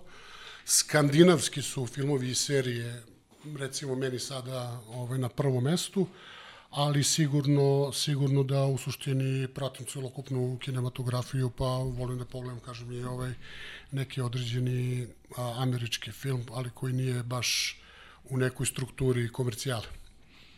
Uh, Wonderful Life, Black. Šta ti znači ta pesma? Jugoslav Vasović. Jugoslav Vasović. Ako će nam kaže kako se slomili anti-iglu na gramofonu. to će on da priča. to će Znači njega povedemo, dobro. Dobro. E, ajmo sad opet, idemo sad na ovu igračku malo karijeru. Puni devet godina si igrao za Partizan, radio naravno sa dobrim trenerima, upoznavao se sa igračima s kojima si kasnije postoji i reprezentativac. Kako, onako, kako pamtiš taj period? Verujem da ti je onako obeležio život u, u, u najvećoj meri kada pričamo o, o karijeri. Partizan je deten, detinstvo uh -huh. i miris i ukus, bukvalno. Uh -huh. Znači, to su oni mirisi detinstva, znači i banjičke šume i svega onoga i autobusa i sve to, jer a, što se tiče igračke karijere, definitivno sam naučio da igram vaterpolo u Partizanu i tu nema, tu nema greške. Partizan me na neki način i lansirao u orbitu, ali to je jedno neverovatno, da kažemo, pre svega druženje, a i s druge strane stvarno ozbiljan, ozbiljan klub koji je koji je funkcioniš, funkcionisao kao, kao sat, znači bukvalno od predpionira, odnosno početnika do, do, do prvog tima. E, za kasnije si otišao u Barcelonu, igrao si za dva kluba, po čemu pamtiš to vrijeme? Um, Barcelona, jedan divan grad, naravno, ovaj, jedna, da kažemo, drugačija atmosfera, prvi put odlazak od kuće i sve ono što, što da kažemo, to nešto nosi. A, težinu pre svega, jer otišao sam i da kažem u nekom momentu kad su bila ovde i definitivno i previranja i onaj poslednji rat i tako dalje ali sigurno jedan ozbiljan i veliki grad gde sam ovaj doživeo divne stvari što se tiče vaterpola, ali i ostao prijatelj sa velikim ljudima i puno njih su mi u srcu. E sad kada već pričamo o Barceloni, Vanjo, mogao bi da nam pustiš pitanje Slobodana Sora? Dobro, ajmo mi da, mi da pričamo dok, dok, dok čekamo dok čekamo pitanje Sora. Partizan, Barcelona, idemo taj period onda Florencija, igrao si u Florenciji dve godine i tu si igrao i sa E, osvojio si kup pobednika kupova, Ajde da mi ispričaš jednu anegdotu, interesantnu anegdotu. Nisam sa Firencom osvojio kup pobednika kupova. Nisi sa Firencom? Ne, ne, ne. Znači, pogrešna informacija. Ne, pogrešna. Firenze je osvojila kup pobednika kupova, ali nije sam. Ali, ali nije pre, godinu dana pre mene. A godinu dana pre tebe, aha. Opa, znači, pogrešio sam. Dobro, ko radi taj greši. E, ajde da mi ispričaš onu, onu anegdotu čuvenu ovaj, sa Jugoslavom, kada mi ispu ključ u šakt Šta si, daj. Šta si, šta si uradio da bi uzao ključ? A to su kafanske priče, ajde, molim. Šta si uradio da bi uzao ključ? Aj, kaži mi. Otvorio šak. pa to mi kaži. pa to mi kaži. Pa i kako ja ne mogu da otvorim šak. Treba probaš. Da nastavljamo dalje sa karijerom, bio si član velikog proreka, pre odlaska u ruski sinteze si proveo punih pet godina, a o Rusiji ću te posebno pitati jer je to gledala se najviše zanimalo. Kakve su anegdote, ali eto da vas pomenemo da si bio u Rusiji pet godina i u proreku. Tako je. I šta pamtiš po tome? Taj pa, period? Pro rekao divno zato što mi se čerka rodila u Đenovi. Uh Mhm. -huh. Ova, I u suštini pa jedno lepo druženje, ali sa određenim, sa određenim uh, tipovima ljudi. Tu pre svega mislim i na, i na Benedeka, ali definitivno da nije bilo i Kodinovića i Uvesinovića, mislim da bi taj izlet u Proreko bio katastrofalni, jer definitivno mi nije, nije legao ni, ni gradić, ni atmosfera, a pogotovo ljudi. A te, ta, ta mala, mala sredina ti ta, ta nije prijela tamo? Pa, moguće, da. Moguće. Da, nisi, nisi se snašao? Ne. Pa srećno da si imao, da si imao Tako je. zemljake tu, Tako da. je. A kaži mi, eto, ajde, kad pričamo o igračkoj karijeri, moramo da, da se dotaknemo eto i to kraja u, crv, u Crvenoj zvezdi, znači to je posljednja godina tvoje karijere, posljednja stepenica u karijeri, e, verovatno i zbog toga i specifična, jer, jer si se u neku ruku opraštao od, od onoga što je što je igranje vaterpola bilo, nešto što je najlepše svakako uh, kada kada pričamo o, o, o periodu u periodu Jeste, ali karijere. uh, fazon je u tome što se ja spremao na to, tako da mi nije to toliko teško palo. Uh -huh. Ali u suštini jedna zanimljiva i lepa sezona, jer u suštini iz nekog dogovora sa, sa Viktorom Jelenićem znao sam da ću sledeće godine da budem trener. A, trener, tako da u suštini sam već sticao neki određeni kontakt, odnosno atmosferu sa tadašnjim igračima koje sam već sledeće godine mm -hmm. trebao da budem ovaj trener. I upijao ih i tako dalje i tako dalje, ali sigurno ovaj jedno veliko iskustvo jer u suštini je bio povratak posle 13 godina u inostranstvu jednostavno dodir sa ovaj određenim uh, negativnostima, ali mislim da sam izvukao ozbiljno pozitivne stvari za kasnije za trenerske stvari. Uh -huh. E sad od trofeja nisi jedino bio klubski prvak Evrope i nisi kao igrač osvojio olimpijsko zlato. To je jedino što fali. Pa samo to. Samo to. Samo to, da. I kako gledaš na to? Ili ti ili imaš neku žal, ili ti, ili, ili ti ostaje neki, neki ono, gorak neki pa, opus kao što što nisi uspeo tu. Ja ja pa, sam realno... ja sam rec, ja sam recimo bio tim. Evo ja danas ja meni danas loše kad se setim tog finala 7-5 sa Mađarima pa ona posljednja četvrtina koja koja vam je uzela uzela zlatnu medalju. Uzela sam u principu. A, realno klubskog trofeja nisam ni imao toliko da kažemo šansi. Mhm. Uh -huh. Ovaj A što se tiče olimpijskih igara, mi stalno pričamo, kažemo, ta generacija definitivno da smo, koliko god to glupo bilo, izvučalo ovaj, da smo bili bliži zlatu u Sidneju sa bronzom nego, nego u Atini sa srebrom. Ovaj, nisam se usudio da pogledam tu utakmicu do skoro, u stvari do korone, da kažemo. Mm -hmm. I, to iz Atine. Tako je. I definitivno gledajući drugim očima, sad, da kažemo, iz situacije pod navodnicama trenera, ovaj, mnogo tu stvari ovaj, nije, nije funkcionisalo, odnosno nije išlo kako treba. Ono što je, ono što je zanimljivo je da poslednji god, znači osmi, Mađara, mm -hmm. 8-7, je ovaj, moja krivica. Je tako? Totalno moja krivica. Mm -hmm. I to je, ovaj, u suštini, ja sam tu sumnjao, ali definitivno sam to video i tek sad ne mogu da živim. Da, a, a i, i, si, i si imao sumnju i da, pre da, nego što da, si da, pogledao, imao da, si da, sumnju, sad si video da, i definitivno ti jasno. Da, da, da. Dobro, ali isto tako imaš situacije koje si, ja ih vrlo dobro pamtim kao neko ko je gledao to, situacije gde, gde Srbija, tačnije, tad smo, šta smo tad bili, Jugoslavija, Srbija i Crna Gora smo tad bili, tako beše, 2004. je dva puta, dva igrača više u, ma, po, dobro, u posljednjem četvrtini. Ma to se bre zaboravlja, ovo se ne greška, čitav život će me morati. A ti ćeš da je pa, da. Ajde. Ti si taj samokritičan koji... Ajde. Da, da. Hoćemo pustimo Sora, Vanja? Ajde, da čujemo. Kopa. Ajde, da Kop. reci mi, da li više voliš Ćuletonu u Gori ili eh, Bajaderu u Malom Hrastu? A, odlično pitanje. Ovako.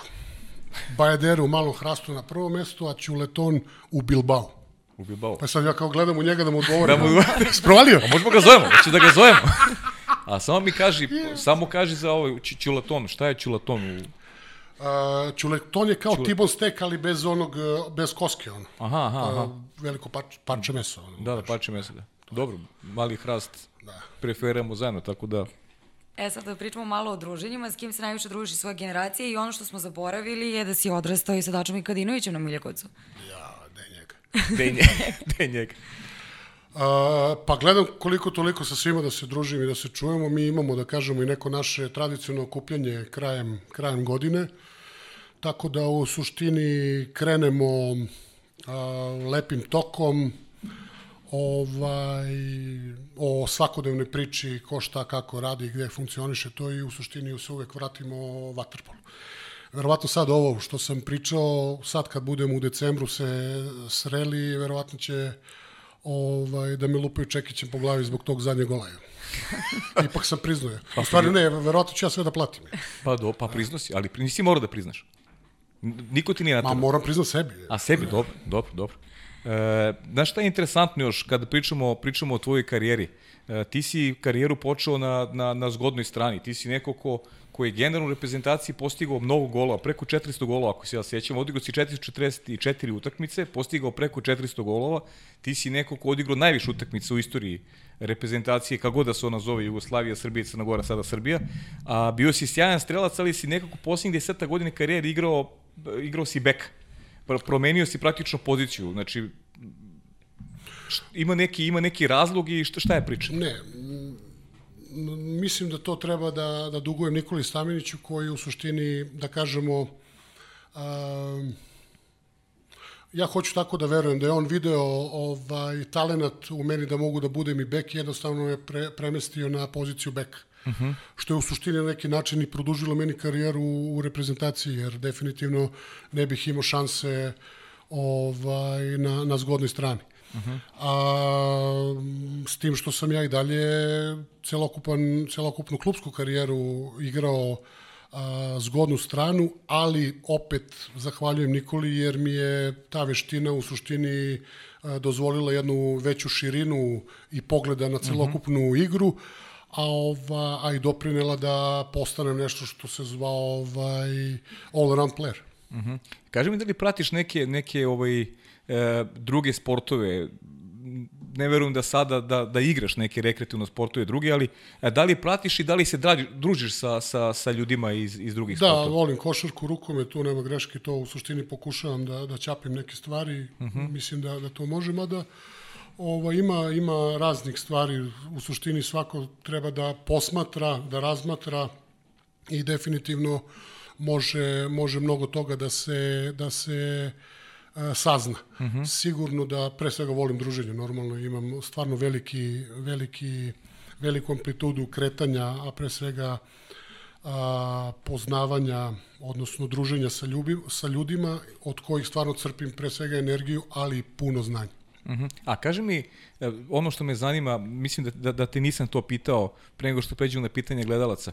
Kako izgleda jedan tvoj, tvoj radni dan, radni dan Dejana Savića u situaciji sada recimo kada se E, kada se ne dešava ništa. Ja znam da ti mnogo vremena posvećuješ i i čitanju i analizi i, i svemu ostalom, e, pa me eto ispričaj recimo Dejan Savić sutra. Šta će Dejan Savić sutra raditi e, kada govorimo o, o, o, o nekoj pripremi za, za, za svoj posao?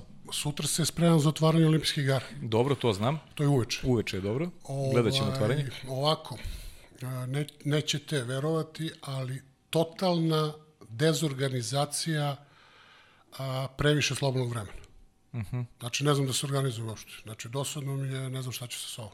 Jer definitivno sam ovaj, određene stvari koje su mi bile potrebne završio, bole me oči od čitanja, boli me ovaj, leđe od ležanja i tako u suštini svaki dan, ali od sutra kad se završi ovo otvaranje, otvaranje? Uh -huh. definitivno ću da se organizujem. Gledat ćeš zatvaranje? Gleda, da, gledat ću zatvaranje. Gledat ću da se organizujem na, na mnogo bolji način. I sad pre nego što prijeđemo na pitanja gledalaca, za sam kraj ja uvek ostavim pomalo da popričamo i o porodici kao, najveći, kao najveći faktor stabilnosti. Imaš suprugu Bobanu, dvoje deca, oni su već dovoljno veliki, da li imaju neke afinitete prema sportu? Pa ovaj mali je u suštini trenirao sin Mane, trenirao je judo i košarku ovaj, i jednostavno sada trenira vaterpolo. Ovaj, a čerka Danila je tražila sebe u raznim sportovima, ali u suštini odlučila da se posveti jezicima i školi i to je to. Što je odlično za žensko. pa, koji ti? Hoćemo koji da, ti? tako, hoćemo da pređemo na pitanja gledalaca. Ajde. Dobili smo toliko pitanja, mi smo pokušali da izdvojimo uh, što više. Evo, Pesla Dušan kaže, hoćeš li ostati trener reprezentacije, ali kako smo na to pitanje već odgovorili, započet ću s našim kolegama iz Vatrpola Storija, da li je bilo teže slušati trenerske savete ili sada biti taj koji savetuje? Dobro pitanje. A, ja sam uvijek bio dobar, dobar slušalac i bio sam ovaj vojnik. A tu nema greške i definitivno verovao sam ovaj svakom bitnom treneru koga sam ja smatrao bitnim. Međutim bilo je nekih kojima nisam verovao i onda sam se oglušio te stvari, tako da mogu da kažem da nisam baš bio toliko disciplinovan. Onima, onima koji su zaslužili jesam. Uh -huh.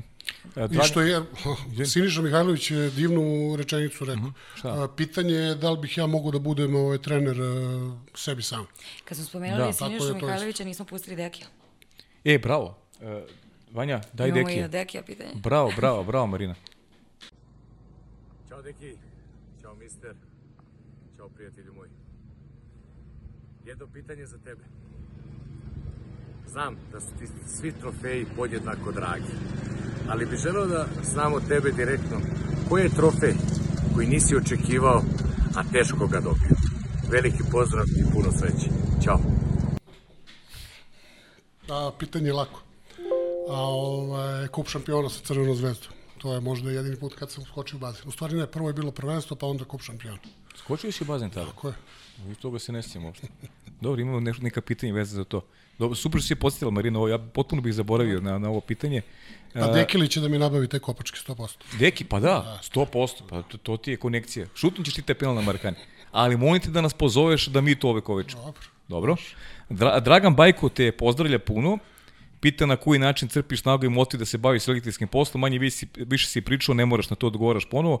A, e, I kaže e, da svi su pitali da ispričaš neku zanimljivu anegdotu kad je reputacija u pitanju, pa nešto što najčešće pripričavaš ili nešto što želiš da podeliš sa nama, teško, a? Nisam ja to.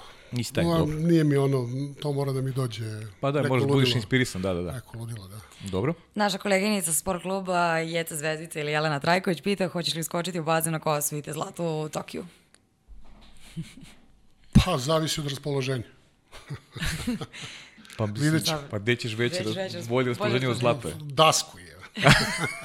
Tasko. Prelom je. E, Vuk pita, za- Vuk je interesantan, Vuk nam piše redovno, Vuk je inače neko ko se školuje kao trener, vaterpolo trener u Nemačkoj. I stalno postavlja pitanja, pita ko ti je najveći rival i ujedno i prijatelj. Uh, rival e, kao osoba? Kao osoba, da. Pa može kao osoba, može kao ekipa. Pa u suštini gledajući, gledajući kroz godine, to je reprezentacija Hrvatske, tu nema greške, Mhm. a gledajući uh, poslednje vreme reprezentacija Španije. Uh A, Tu, tu nema greške.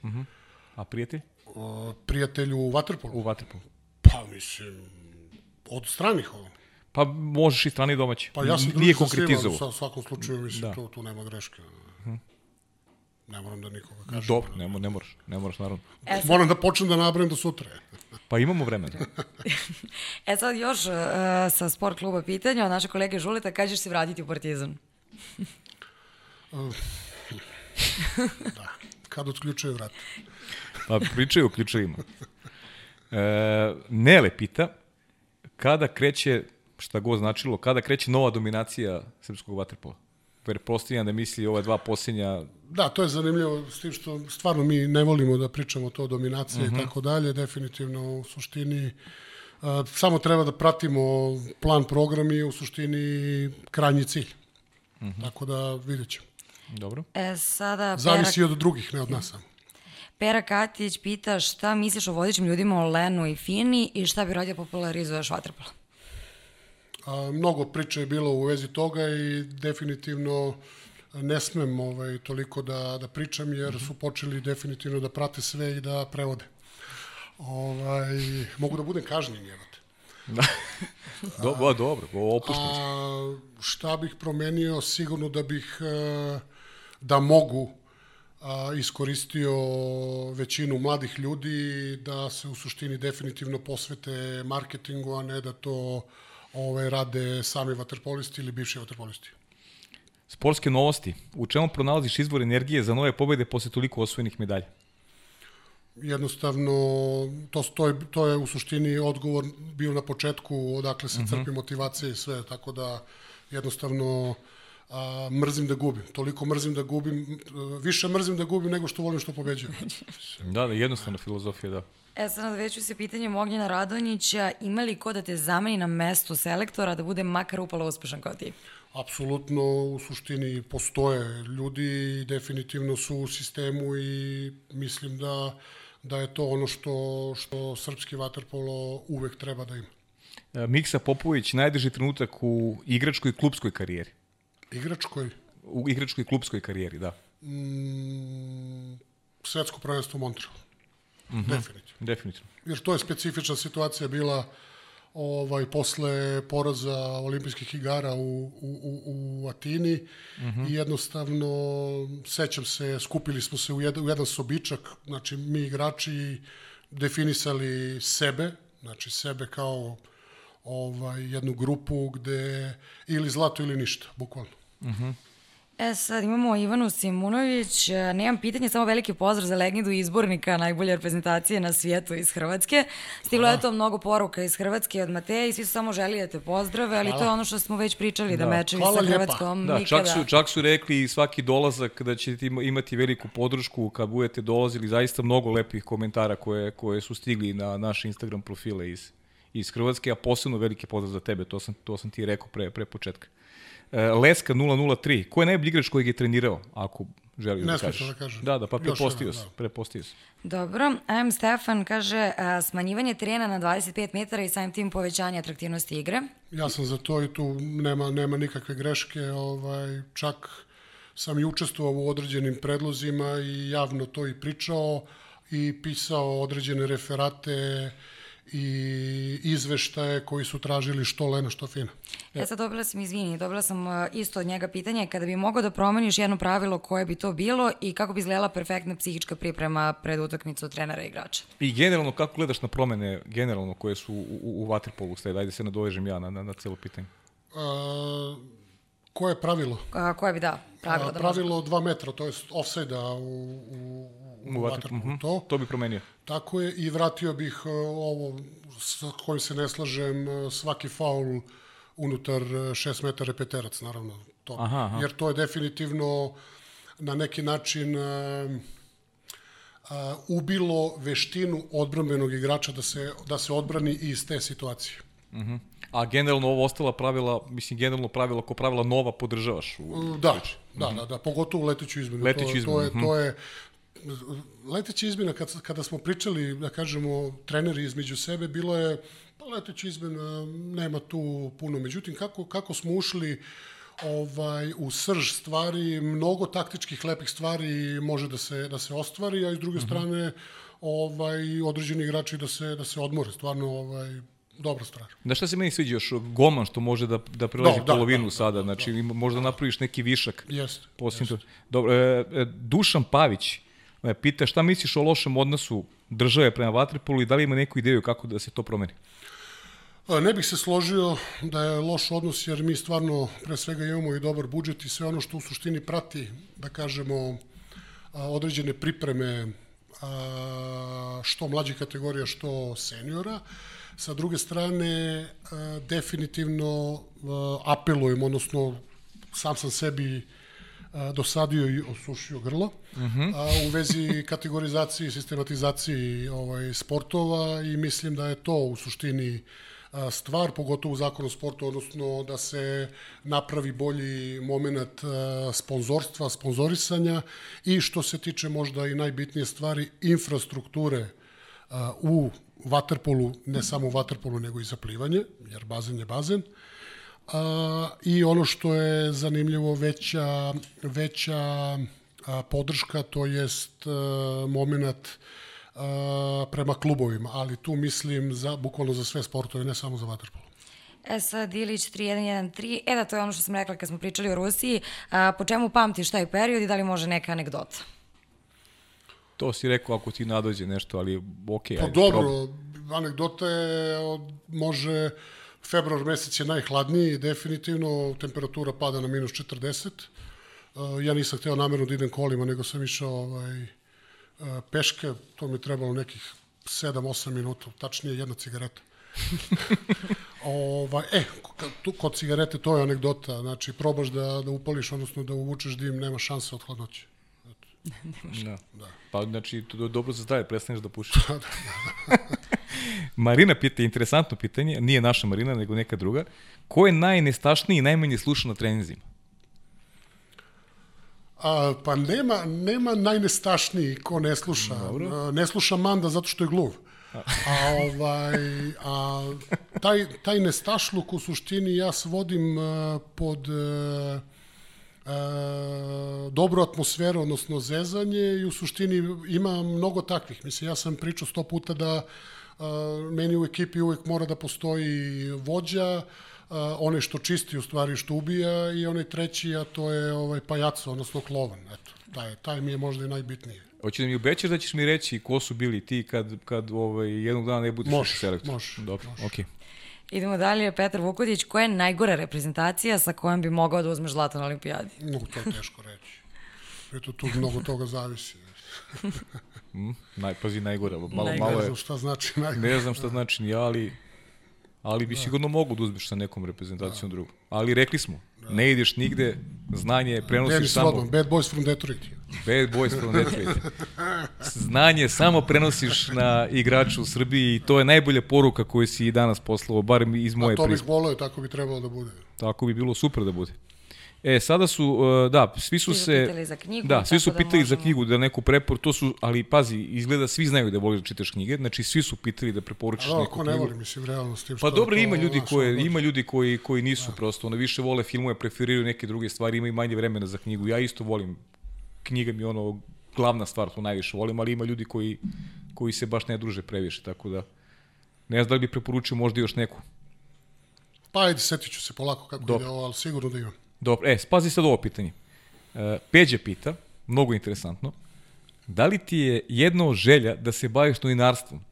Čime? novinarstvom, pazi sad zbog čega, imajući u vidu da si se na promociji knjige Preokret Branislava Mitrovića pre tri godine predstavio kao novinar Dorčelskog mamurluka. Um, nemam tih afiniteta, ali bih volio da se družim sa tim ove, ljudima. Pre svega u kafani. Dobro. E sad, bilo je još mnogo pitanja, nikad stvarno nije bilo veće interesovanje, ali ne možemo baš toliko da te zadržamo, tako da ću morati još samo da ti pitam ono što zanima sve naše gledalce. Kako ostaješ tako smiren u svakoj situaciji i da li je trik u onome što si otkrio još 2014. Mislim, sad ćemo čuti šta. mi se vežba, tu nema greške. A možda i... Znaš, A otkud ta mirnoća u licu i kad se gubi pet razlike ista faca i kad se vodi dva razlike? Da, koliko smo videli preko TV, nema nikakve nervoze. Kod mene, Da, da. Modern sam, uzimam botoks. Posebno da je spomenemo, ta devojka je posle 11 pitanja. Uh, manje više smo na sva odgovorili. Ja ću ti samo pročitati šta, nam je, šta mi je za kraj napisala. Rekla je on je osoba koju obožava moja porodica i ja. Meni lične inspiracije i uzor u mnogim stvarima i voljela bi da sam poput njega u nekim životnim segmentima. Ja izvinjavam se na brdu u pitanju opširnosti, ali kako kaže, tako je to kad želiš da postaneš sportski novinar. Tako da mislim da je ovo stvarno jedna lepa Hvala puno, poruka za kraj. pozdrav. I toliko poruka je bilo evo Brga, moram još jedno, Brga pita da li bi menjao svetsko i evropsko zlato za olimpijsko. Apsolutno. Da, mislimo na igračku karijeru. Da, ali posle, kako se zove, znači pre olimpijskog. Pre, pre, pre olimpijsko, da. da. Deki, ili ima nešto da te, da te nismo pitali, a, a da bi ti rado podelio sa nama ovde? Pa mislim da smo mnogo toga rekli, a biće vremena. Biće vremena što Znači se... ja vam želim da, da stvarno nastavite ovako u ovom pre svega ritmu sa divnim pitanjima na koje nadam se da ćete uvek da imate odgovor i da se vidimo uskoro, ako ništa drugo, u komentarisanju nečega. Da, ne, hoćemo sigurno da se vidimo i ti si... e, Hvala što mi niste provocirali određenim pitanjima i tako dalje. Pa, znaš To šta? sam verovatno privilegovan zato što se lično poznajemo, Pa dobro, i, ali u suštini vidim da je današnje vreme otišlo pre svega na, na te stvari. Znači ne da se gleda u srž, nego na provokaciju. Pa da, pa mislim, znaš šta, malo smo samo hteli da neka pitanja su bila onako malo ličnija, dao sam sebi za pravo da ti ovaj, malo da, da upoznaju ljudi malo neki drugi deo drugi deo tvoje ličnosti i iz, iz te perspektive sam ne, želeo. Može da to... Pa ja sam baš to hteo, baš zato što te poznajem i ovaj, da, da ljudi malo približimo Dejanu Savić. Mnogo ti hvala što si izdvojio vreme. Hvala Ovo će, bit ćeš sigurno ponovo naš gost sa, sa velikim zadovoljstvom. Marina, nećemo da najavljamo sledećeg Nećemo. gosta. da, Ne, su čekaj, a sada sok od jabuke. A Soko, ne, sad sam na Soko od jabuke. Soko nema, nemoj da brineš. Soko od jabuke nas čeka sigurno. To svakako, mnogi igrači su uglavnom u inostranstvu, tako da mi za sada imamo u principu ko će nam gostovati u četvrtak, ali najbolje je to još na otkrivamo. Tako, otkrićemo to na, na našim Instagram profilima. Eto, za kraj Dejan, hvala ti još jednom, velika nam je bila čast, a vi se, mi se vidimo ponovo sledećeg četvrtka. Hvala vam na pažnji i prijetno.